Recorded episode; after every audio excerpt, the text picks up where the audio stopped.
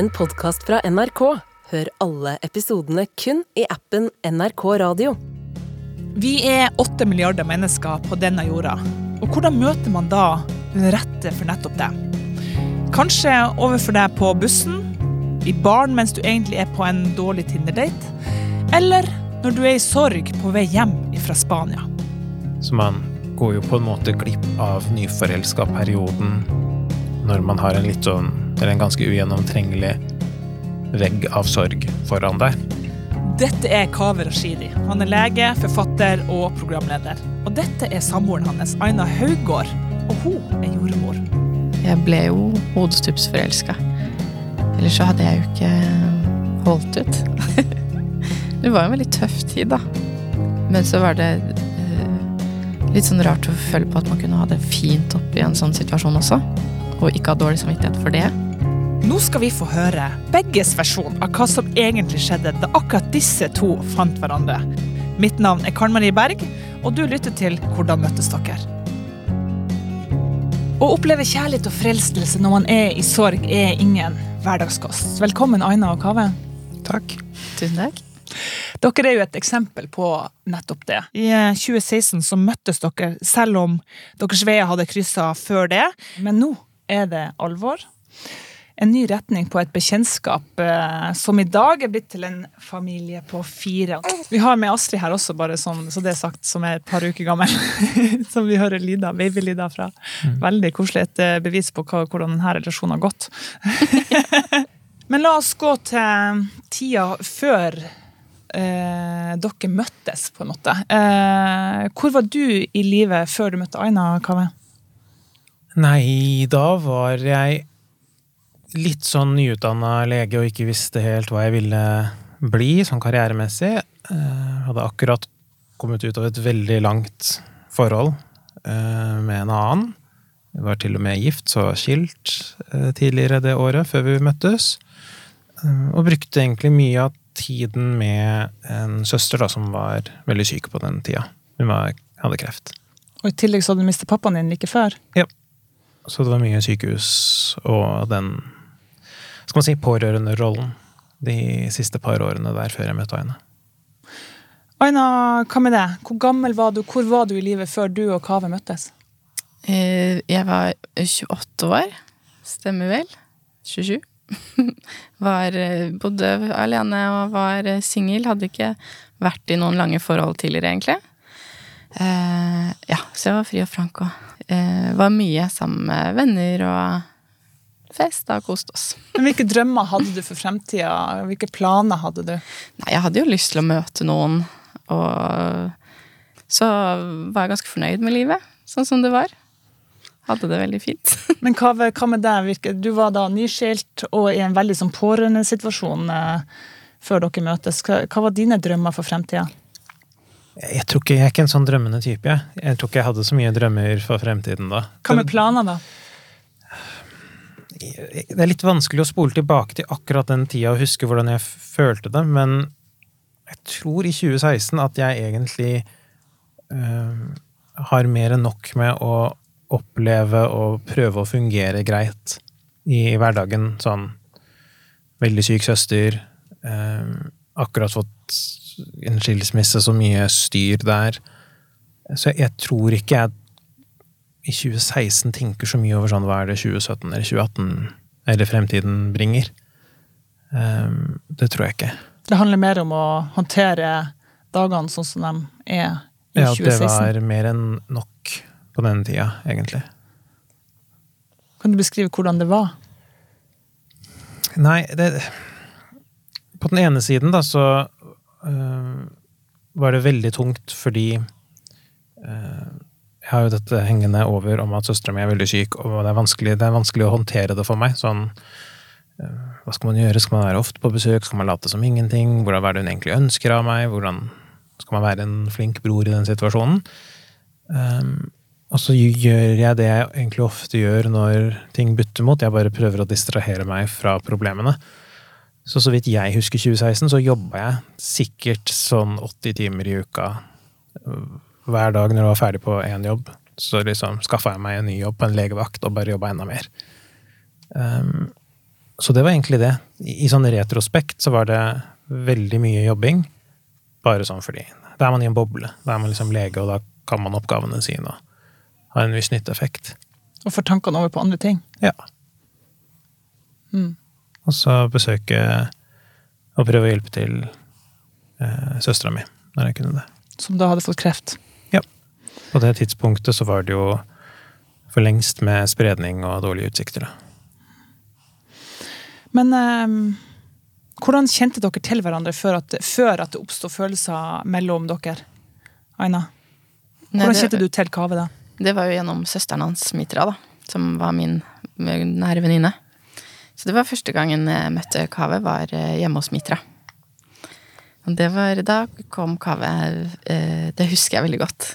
Du, eh, Mitra hadde en veldig fin hund som eh, Kave og samboeren, eh, kona, pleide å passe for Mitra. Eh, og dere skulle komme hjem og levere Sam, som han het. Og så var du der. Ja, da var vi der, og da så måtte vi hilse, da. På den. Eh, på, Mitra var veldig stolt av Kave, så vi måtte Hun ville vise ham fram. Så vi måtte komme og hilse. Det husker jeg du kom høyreist og flott i kåpe. Det var på vinteren. Du var veldig kjekk der du kom. Hva tenkte du da du så han første gang? For du hadde ikke møtt han før. Nei. Jeg tror, jeg tror jeg hun tenkte at, eh, at, eh, at alle, alle bra menn er tatt. Sånn som Kave, for eksempel. Ja. Så du så på han som en bra mann Ja. i det samme du så la merke til han? Ja, og eh, søsteren hans hadde jo bare fine ting å si om han. Så han hadde jo fått et veldig godt eh, skussmål fra henne. Mm. Ved, da du møtte Aina i ulike sammenhenger gjennom søstera di, hva tenkte du om henne? Jeg husker ikke den gangen jeg leverte hunden, jeg. Tydeligvis. Um, jeg husker at vi feira nyttårsaften sammen. Mm. Da det ble Var det 2016 nyttårsaften? At det skulle 2015-2016? Ja. Um, men jeg var jo der med min daværende kone, så det var ikke um, Jeg mener å huske at jeg prøvde på den nyttårsaftenen å, å spleise deg med en kompis av meg. Stemmer. Så det var et litt annet perspektiv, da. Hvordan gikk det, da, Aina? Nei, jeg hørte aldri noe mer om det. Nei, dere hadde ikke vært en bra match heller. Sånn, nå som jeg kjenner deg litt bedre. Men da var det liksom sånn Ikke i dine tanker at hun en gang skulle bli Nei, nei, ikke helt fjernt. Ja, det er godt å høre. Da var det jo gift. Det var vel februar det året, 2016, eh, at det ble slutt mellom meg eh, og kona. Og da var jeg jo enda mer sammen med søstera mi, for da ble det en sånn underlig gjensidig trøstegreie, hvor jeg på en måte prøvde å være der for henne fordi hun hadde kreft, og hun var der for meg eh, fordi jeg gikk gjennom det jeg gikk gjennom. Og da var jo ofte du bare der. Du var jo veldig mye med søstera mi på på den tida, du også. Så liksom bodde vi ganske nært hverandre, så jeg kjørte deg liksom hjem noen ganger og sånn helt platonisk på den tida, men vi bare var veldig mye i hverandres nærvær. Og det var hyggelig nok, sånn som det var. Ja, det er litt det med at når man går gjennom noe så ekstremt som jeg i hvert fall opplevde det med søstera mi, så er det veldig få mennesker jeg i hvert fall hadde som jeg kunne som forsto situasjonen jeg kunne støtte meg til. Eh, Jeg har jo en god relasjon til moren min, men hun hadde jo det jo tusen ganger verre og nok å styre med sjøl, så hun var absolutt ikke en støtte for meg i en sånn periode. Um, veldig mange av vennene mine var jo felles venner med ekskjæreste. Så man mister jo veldig mye av nettverket når man går gjennom en skilsmisse også. Hadde noen kompiser og sånn på den tida, men det er liksom ikke Det er en slags ekstra verdi å gå gjennom og ha noen som opplever litt av det samme, i hvert fall. Som er med og skjønner det der livet inn og ut og sykehus og cellegift og CT-bilder og svulster og ting og tang. Det er så altomfattende når man står i det, at det hjelper liksom ikke så Selv om liksom Kjempekul kompis, og vi kan gå og ta en øl, men det blir liksom ikke det samme. Fordi det blir ikke den samme forståelsen for situasjonen, da. Men eh, Aina, sa du noen gang til Mitra at du hadde fått følelser for Kave? Mm, nei, det gjorde jeg vel ikke. Eh, det var Fordi eh, jeg tror hun skjønte at vi hadde utviklet en Altså at vi hadde fått et litt nærere forhold. Eh, og da husker jeg at hun, eh, hun var ikke så fan av det. Hva hun sa Eh, hun var redd for at hva, hva hun skulle såre meg. Jeg tror også det var det hun var redd for. Men jeg hadde akkurat kommet til dette forholdet, så jeg var på Tinder på den tida. Ja. Um, som jo er et underlig liv å leve. Men Så jeg var jo ikke sånn typ fra februar, da, da, da det ble slutt, til søstera mi gikk bort i juli, så hadde ikke jeg noen intensjoner eller ønsker om å hoppe inn i et nytt forhold med noen. Det som skjedde, var at du passa Sam. Og så spurte du om jeg kunne være med å gå en tur sammen med deg og Sam. Ja. Når, Hvor er vi da i Da, perioden? da var, det var, eh, da var Mitra syk. eh, Så det var vel på våren, tenker jeg. ja. Ehm, Så da gikk vi en tur med hunden hennes sammen. Og da hun fikk høre det, så sa hun jeg skjønner ikke hvorfor Kave skal Av alle han må be om å gå på tur, skjønner jeg ikke hvorfor han skal velge deg. For hun var redd for at At du eh, ikke skulle Ja, som du sa, du var jo på Tinder og data litt og hadde jo akkurat kommet ut av et langt forhold og skulle jo få lov til å være litt singel, da. Ikke sant? Han skulle jo det. Men hvordan sto det til med dine følelser, selv om da Kave ikke tenkte på noe relasjon med deg enda? Nei, det var veldig vennskapelig. Vi satt, øh, vi satt på benken på Tinder til Tinderen til Kave, husker jeg. Eller var det på min Tinder? Så dere var begge to på Tinder? Ja. Mm. Jeg var ikke aktivt på Tinder da. Det var ofte eh, Mitra som satt på min Tinder og valgte menn. Men satt dere og sveipa for hverandre, da? Ja, det husker jeg vi gjorde. Mm. Da satt vi eh, på benken og så jeg, på, jeg husker jeg ble litt skuffa når du hadde lyst til å velge ut menn for meg på Tinder. Så da hadde du allerede sådd et sånn korn hos deg? Et lite håp, var det vel. For at du kanskje Kanskje kunne være litt interessert i meg, da. Det må ha vært noe, for jeg husker en gang Jeg er litt dårlig på tiden her, men jeg tror det må ha vært den våren der. Um, at jeg hadde sendt deg en melding og spurte sånn Hva skjer, hva gjør du? Et eller annet sånt. Og så var du med vennene dine på Sankthanshaugen på et eller annet musikkfestival av noe slag. Og så svarte jeg fra hjemme i stua Å, jeg er også rett ved. Jeg kan svippe innom. Men da var jeg jo hjemme. Jeg bare løy for å, for å ha en unnskyldning for å henge med deg. Jeg husker det. Jeg husker, synes det var rart du brukte veldig lang tid, fordi du var jo bare rett borti gata. Mm. Det tok det en time før du kom. Da tok vi følge hjem. Da gikk vi hjem fra Sankthanshaugen. Lang gåtur i regnet. Men dere to skal jo gå fra å være bekjente til venner, til omsorgspersoner for eh, Mitra, søstera di, Kaveh, til å bli noe helt annet. Eh, Dere skal bli kjærester, dere skal bli samboere, og dere skal bli foreldre sammen. Men eh, hvordan går det her til? Hvordan blir dere kjærester? Det som skjer, er at vi på sommeren så drar jeg og søsteren hans og moren hans til Spania. Sammen med en eh, tredje venninne av oss.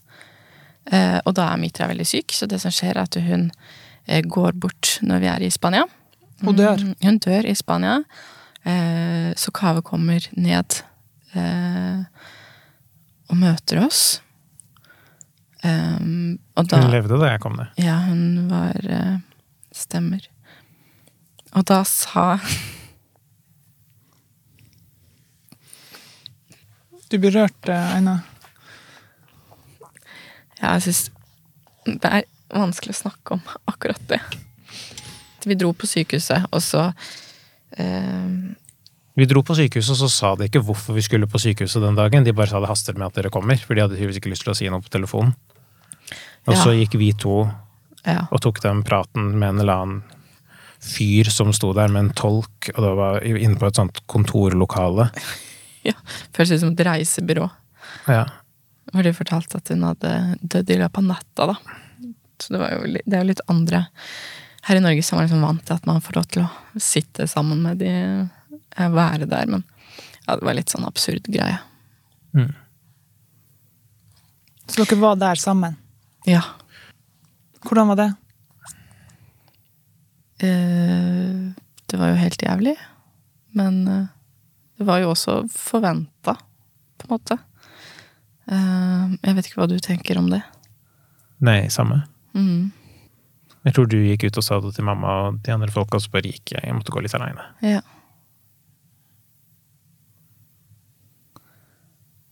Det var Ja. Så det som eh, Så Kava Ord er jo veldig praktisk anlagt, da, heldigvis. Så han eh, tar jo eh, styringa på skuta og fikser alt praktisk. Med Norge og begravelsesbyrå, transport og alt. Og flybilletter hjem, ikke minst, for vi skulle jo ikke hjem den dagen. Jeg tror vi var der en natt ekstra også, bare sånn Ja, Det er mye logistikk når noen går bort til det utlandet. det er det.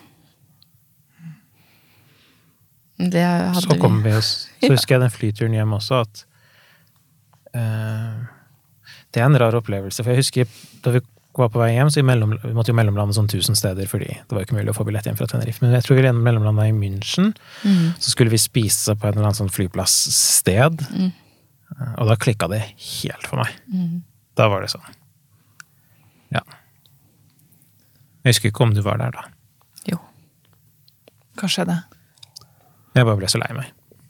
Det bare ble så ufattelig trist. Og den flyplassen har vi vært på senere også, og da har jeg tenkt på det, at det er akkurat samme stedet.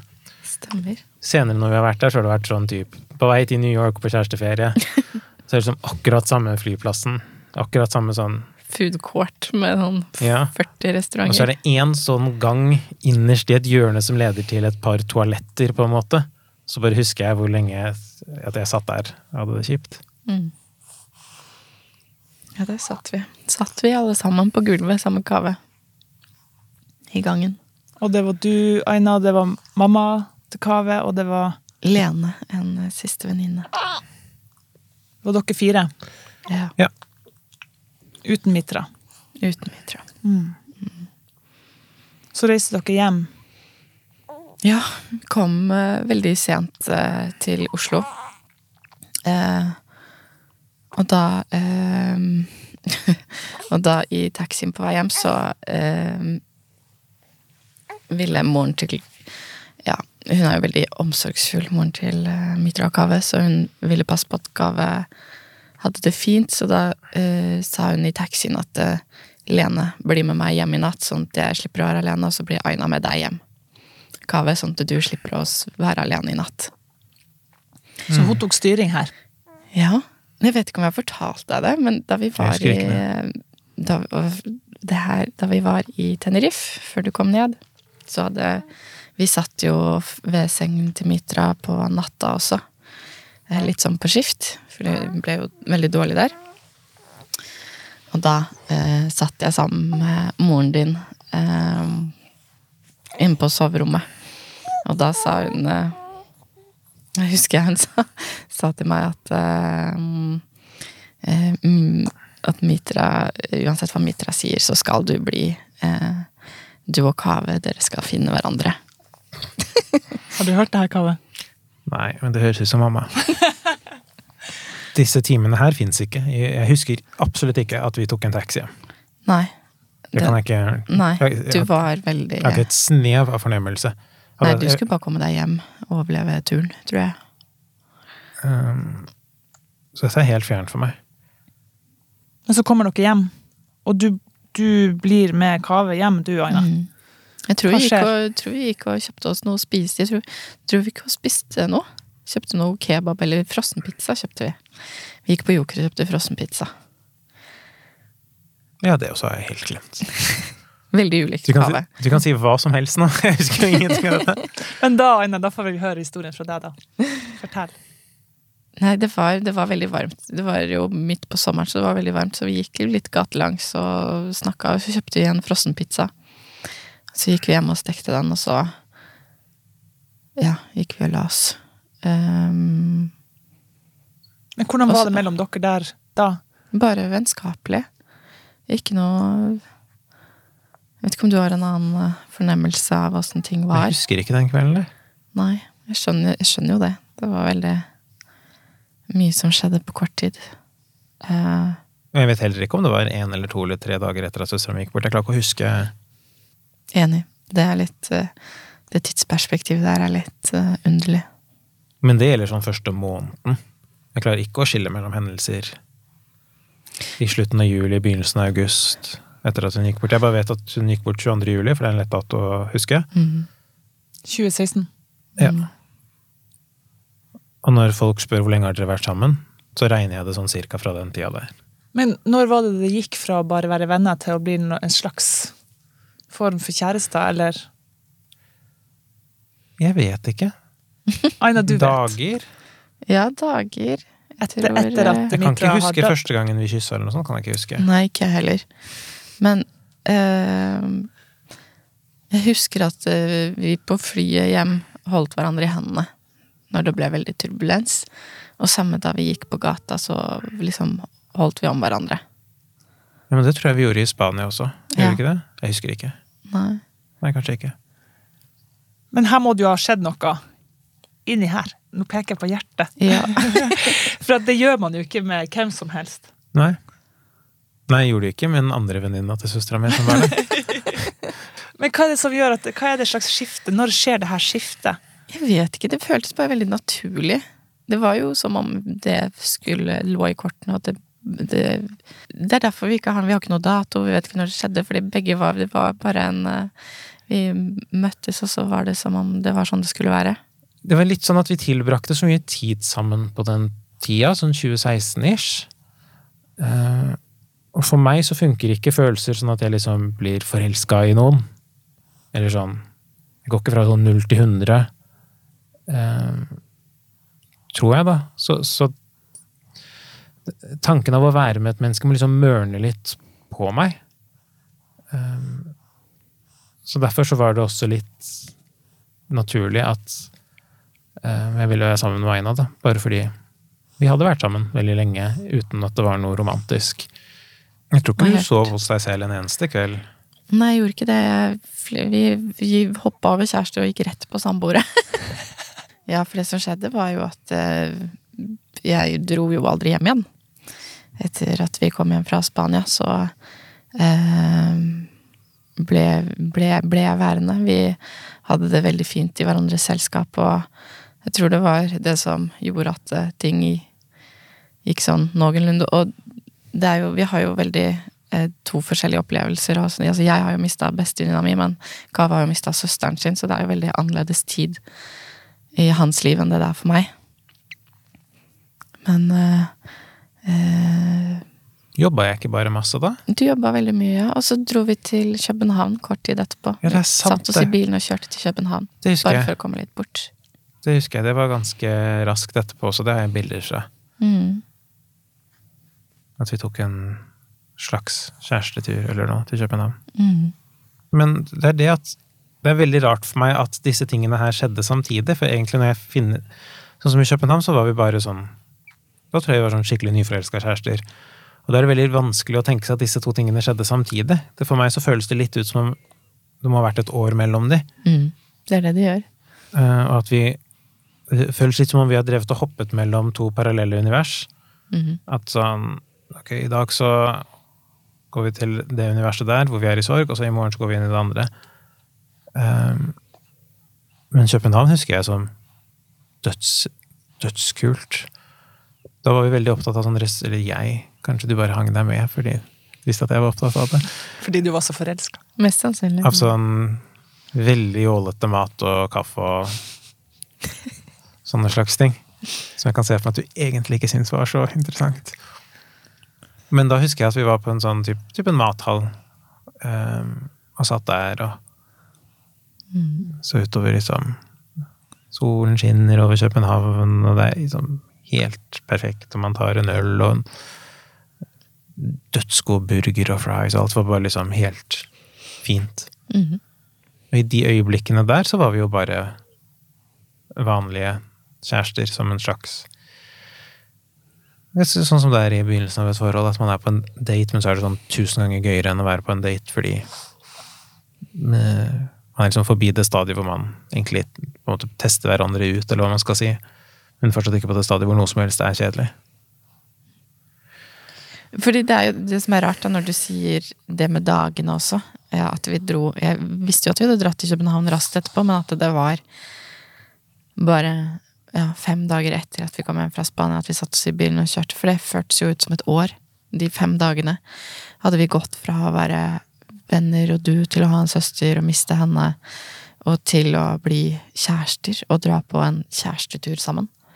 Det var veldig ja, rar tid. Det var det den København-turen var. Det var en kjærestetur. Deres første kjærestetur. Ja, uten å ha tittelen kjærester, eller uten å ha tittelen kjærester, men vi var oppført oss som eh, kjærester. Mm. Mm. Så det er eh, Det var my mye følelser og Mye som skjedde de dagene. Men eh, hvor lenge holder dere det her for dere sjøl? At dere har blitt kjærester, selv om dere ikke har sagt at dere blir kjærester sånn aktivt for hverandre? Jeg husker ikke. Vi, Husker du? Vi eh, holdt det jo ikke for oss selv. Det var ikke noe Det var ikke noe hemmelighet, for vi, opp, vi gikk jo hånd i hånd på I begravelsen også, så gikk vi hånd i hånd. Um, så det var jo ikke noe ikke, ikke det at vi var kjærester, men det var ikke noe hemmelighet, eller vi holdt jo ikke Så vi trengte jo aldri å fortelle det, tror jeg. Jeg tror ikke vi liksom sa Jeg sånn kan heller ikke huske å ha liksom fortalt det til noen. Nei, at vi, det var noe behov for det. Dere kjente aldri noe skam forbundet med at det er en, en voldsomt trist eh, periode i livet deres, samtidig dere som dere har funnet glede i det? Nei, jeg følte egentlig at Jeg tror nesten veldig mange ble letta over det. I hvert fall for min del. Sånn Jeg kan jo Jeg tror mange folk var bekymra for meg på den tida der også. Det har jeg hørt i ettertid av uh, ymse venner og sånn. Fordi jeg, jeg tror jeg hadde det mye verre enn det jeg husker å ha hatt det. Um, og da tror jeg det kan ha vært en lettelse for mange å liksom se at jeg fant Aina. At vi var sammen. Fordi da liksom bidro det til å stabilisere meg litt, da. Hva, mamma, hva mammaen din sa da hun skjønte at dere hadde blitt kjærester? Nei, sa hun noe da? Hun begynte sikkert å snakke om barn. Neste Ja. kapittel. Ja. Ja. Nei, nei, jeg husker ikke hva hun sa. Jeg tror ikke hun Jeg tror ikke vi gjorde en greie ut av det. Nei. Jeg tror vi bare kom hjem til henne sammen en dag, og så var det bare sånn det var. ja. Ja. Og hun holdt den avstanden som hun ikke lenger holder fra, fra det. Mm. Ja, men det er jo litt sånn at hun har vært sånn matchmaker for dere. Altså, I mine ører høres det sånn ut når hun ber deg, Aina, om å være sammen med Kaveh den eh, kvelden etter at uh, søstera har dødd. ja. Tenk at du har en mamma som har matcha deg med Aina. Praktisk talt. Ja, det er flaut. Jeg er ganske lik moren hans òg. Nei, det er ikke. Nei. Jeg tror jo absolutt at hun vil meg vel, og at hun vil deg vel. Mm. Og at dette her nok var en slags garanti for henne at det går oss vel. Hvis det ble oss to, da. Ja. Og så var det litt godt å høre henne si det i Spania, at eh, det skal bli deg og meg. For det var jo fint å få en liten sånn Det går fint. Mm. Eh, bekreftelse. Mm. Ja, jeg tror det hadde vært fint for Mitra også. Men hun fikk jo aldri liksom oppleve at vi hadde en sånn relasjon. Hva tror dere hun hadde sagt om at dere hadde funnet hverandre over sykesenga og fått en familie sammen? Det hadde hun elsket. Ja, hadde hun sett familien vår nå, Ja. så hadde hun elsket det. Det er ikke noen tvil. Mm. Det hadde hun. Men hva snakker dere om da? Eh, For det er jo noe som skjer, noe annerledes enn man er vant med til vanlig. At man da overnatter hos hverandre eh, og blir værende. Det er jo ikke noe Det er ikke hverdagskost, det heller. Men hva snakka dere da om? Snakka dere om at dere hadde blitt noe annet enn det dere var? Eh, ikke Vi to snakket aldri om det. Jeg husker at vi snakket om den gangen vi ble kjærester. En gang så husker jeg vi var på Dette kan godt hende at jeg har funnet det på oppi hodet mitt, men jeg tror det var på 20-bussen. Vi satt på bussen, kanskje på vei til Øyafestivalen. Da tror jeg kanskje ordet kjærester ble nevnt. Ja. Og det må være tidlig på bussturen, fordi vi var fortsatt ved Sagene. Og så tror jeg at Kanskje du jeg, jeg, jeg var på mobilen, og du spurte et eller annet om jeg, om jeg var på Tinder eller noe, så sa nei, herregud, det slutta jeg jo for lengst. Og så mm, ja, Jeg tror ordet kjærester ble nevnt Av hvem? i den samtalen. Jeg tror det var av meg, men jeg skal ikke, skal ikke banne på det. Jeg ser for meg at du er mer sånn eh, følelsessky enn meg, at du ikke hadde turt å si det ordet. Jeg hadde nok avventet, ja. Helt riktig. Og så husker jeg at det var sånn sent på sommeren eller noe sånt, og så sto leiligheten din tom fordi du overnatta så mye hos meg, så da bare la vi den ut på Airbnb. Ja. Og så bare begynte vi med det, å leie ut leiligheten din. Det er praktiske krav, da. Det er jo viktig å kan jo ikke i ha den stående tom, herregud. Var det noen som skulle på Norway Cup eller noe sånt, tre, som vi leide den ut til? Stemmer. Mm. Men hvordan er det Du, Kave, du har jo litt mye. Det er jo skilsmisse. Det er at søstera di dør, og du mista faren din litt tidligere enn det. Og i Mm. tillegg så har du den forelskelsen som da kanskje ikke Som drukner i det her. Mm. Eh, det er jo en salig miks av Mm. ganske voldsomme følelser som kommer samtidig. Mm. Og resultatet er at jeg ikke husker noe av det, tydeligvis. Men, hva, men hvordan var det for deg, Aina, å bli forelska i Kave? Hvordan er det du føler det for Kave når dere da utvikler et, en relasjon med hverandre som går utover vennskap? Uh, nei, det var eh, veldig sterkt og veldig riktig og fint. Jeg ble jo hodestupsforelska. Ellers så hadde jeg jo ikke holdt ut. det var en veldig tøff tid, da. Det var mye følelser og mye øh, tungt. Um, men så var det øh, litt sånn rart å føle på at man kunne ha det fint oppi en sånn situasjon også. Og ikke ha dårlig samvittighet for det. For det er jo øh, også litt rart å skulle kjenne seg lykkelig og ha det fint samtidig som man egentlig ikke burde ha det. Jeg falt jo hardt, og jeg er veldig forelska. Og så tror jeg jeg eh, fikk en litt sånn eh, vet ikke, jeg følte kanskje mer på en rolle av å støtte deg, og være til stede for deg. Prøvde å hjelpe deg gjennom det å være der for deg. Som jo er fint, fordi da får jo jeg også en, et formål, på en måte. Lettere å håndtere det. Ehm, ja. Men hvordan er det å høre at Kave ikke husker så veldig mye av det her, som har vært veldig avgjørende for eh, livet ditt? da, Aina? Jeg er ikke overraska over det. Jeg er jo eh, innforstått med at vi har, ja, som sagt, to opplevelser, to forskjellige opplevelser av det. Så man går jo på en måte glipp av nyforelska-perioden når man har en litt sånn, eller en ganske ugjennomtrengelig vegg av sorg foran deg. Jeg mener å huske at min sorg var veldig sånn, og er det fortsatt, i sånn pulserende. Sånn veldig mye en periode, og ikke noe annet enn bare det. Og så helt borte. Uh, men dette er bare sånn jeg velger å huske det, kanskje. Men at det var helt forferdelig, ekstremt vondt. Um, og da kunne jeg ikke liksom stå på beina.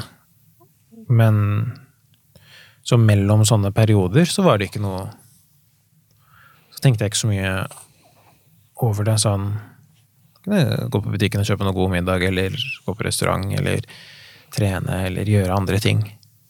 Um, og så kom det hele tiden tilbake. Men jeg klarte å holde det på avstand også ved å jobbe, for eksempel, veldig mye. Da var det alltid på avstand. Um, eller å bare Når vi gjorde ting sammen, så var det også på avstand. Hva var det som eh, fikk deg til å innse at Aina var den rette for deg? Jeg vet ikke. Jeg tror det var en kontrast til veldig mye av det jeg hadde uh, på Tinder, hvis man kan si det sånn. Alt var så flyktig og meningsløst og um, og sånn tomt. Um, men vår relasjon betydde liksom noe. Det, det, det var Det var noe mer enn bare en date. Uh, så jeg tror, ikke, jeg tror ikke det var puppene eller rumpa, liksom. Jeg tror det var med, Det var følelsen av å ha noe som eh, betydde noe mer enn resten av verden, på en måte. Å, shit, det var fint sagt, da. Mm. De gjorde opp for alt. Alt, alt du har glemt. Faktisk. Hva var det med Kave som gjorde at du følte at det her var noe helt eget? Du var veldig smart og kjekk og varm og Vi hadde jo en veldig god tone. Vi, da Kaveh sa at han, det var noen ganger jeg satt på med han hjem, for eksempel, så kunne vi sitte en time i bilen og snakke før jeg gikk ut. Så vi hadde jo hatt så mange fine samtaler, og vi hadde en veldig sånn god kjemi. og ja, jeg tror eh, som Kaveh sa, det at man kjenner hverandre og har utviklet et vennskap, er også veldig viktig for meg. Eh, da vet man jo hvem man eh, Hva man går til, men det var veldig mm, Jeg tror det var det som eh, Jeg tror det er lurt også å ha de der store, store, store linjene Ja. på plass veldig tidlig. Så vi visste veldig tidlig at vi hadde lyst på hus med hage i Oslo med minst to barn og skiboks og bilen og hytta Altså, vi visste liksom hvordan livet vårt skulle se ut veldig tidlig. Men det er altså sånn en relasjon som utvikler seg over tid, som, eh, mm, som mørnes Ja. og blir sterkere og sterkere. ja. Som ikke er en Tinder-sveip. Nei, og jeg tipper at hvis vi hadde møtt hverandre, jeg vet at hvis vi hadde møtt hverandre på en Tinder-date, så tror jeg ikke det hadde vært noe Nei, det hadde vi. Jeg tror ikke vi hadde blitt noe mer da. Men hva dere mener med det? For, hvorfor mener tror, dere det? jeg tror um, vi begge um, er eh, veldig glad i hverandres egenskaper, eh, som er vanskelig å få fram på en Tinder-date. De, eh, hvil- hvilken eh, verdier vi har, hva som er viktig for oss i livet. Og den å komme seg på en date nummer to og tre er vanskelig når man går på Tinder. Mens vi hadde jo hoppet over alle de leddene. Ja, det er litt baklengsforhold sånn sett. Vi kjente hverandre godt på mange sånn store, viktige, vanskelige ting. Mm. Og så var liksom romansen og sånn litt seinere. Mm. Men nå har det gått altså 28 år for dere eh, sånn smått fant hverandre litt etter litt. Mm. Gjennom samtaler og Dere starta jo det her forholdet med en voldsom påkjenning. Men eh, hva har det gjort med dere at dere har gått gjennom det her sammen? For min del så er det helt uaktuelt å skulle dele livet med noen som ikke har vært del av den delen av livet mitt. Sånn, det bare Jeg har ikke noe interesse av å tilbringe tid med noen som ikke forstår Eller å tilbringe livet mitt, da, med noen som ikke forstår eller har vært med på det der. For det er så Det er en så stor del av livet. Det er som å skulle liksom vært sammen med noen som ikke bryr seg om barna mine. Det bare er helt sånn ja, men da Da kan ikke vi Da har ikke vi et felles grunnlag, på en måte. Mm. Så er det veldig fint og trygt og godt å vite at det er en Ehm, det, det er fint å ha en annen person som har minner fra henne også, syns jeg. Mm. For deg, Aina?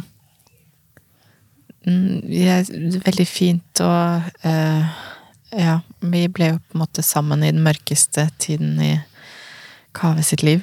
Eh, så vi har jo Man skal jo oppleve mye vondt sammen eh, gjennom et langt liv. Eh, så vi har jo fått testa det, og det er jo ofte i når det skjer store ting i livet, at, eh, og ting blir vanskelig og tøft, og man har det eh, tungt, at eh, forholdene også går dårlig. Så vi starta jo på en måte på bånn der, og fikk virkelig sett hverandres gode og dårlige sider på godt og vondt. Eh, Så det er jo veldig fint å vite at man alltid har en som ja, har vært, vi har vært igjennom det en gang, og vi vet at den andre er stødig og Jeg sa det til en kompis på jobb. Sånn eh, Jeg fortalte han Mikkel kort om hvordan vi ble sammen. Så tror jeg han svarte et eller annet sånt. Ja, hun kjøpte jo den aksjen på bånn, hun. Ja, det er en fin måte å se det på. Jeg tror, også, jeg tror det er en grei beskrivelse. Jeg tror du Du kjøpte eh, et vrak og sats, satsa penga dine på det. Ja. Det er det smarteste man kan gjøre av og til. Mm. Ikke sant? Det var veldig, veldig godt valg. Har ikke angra. Jeg er veldig glad for at jeg spurte dere om hvordan dere møttes. Tusen takk for at dere kom. Takk for at du fikk komme. Beklager alt jeg ikke huska.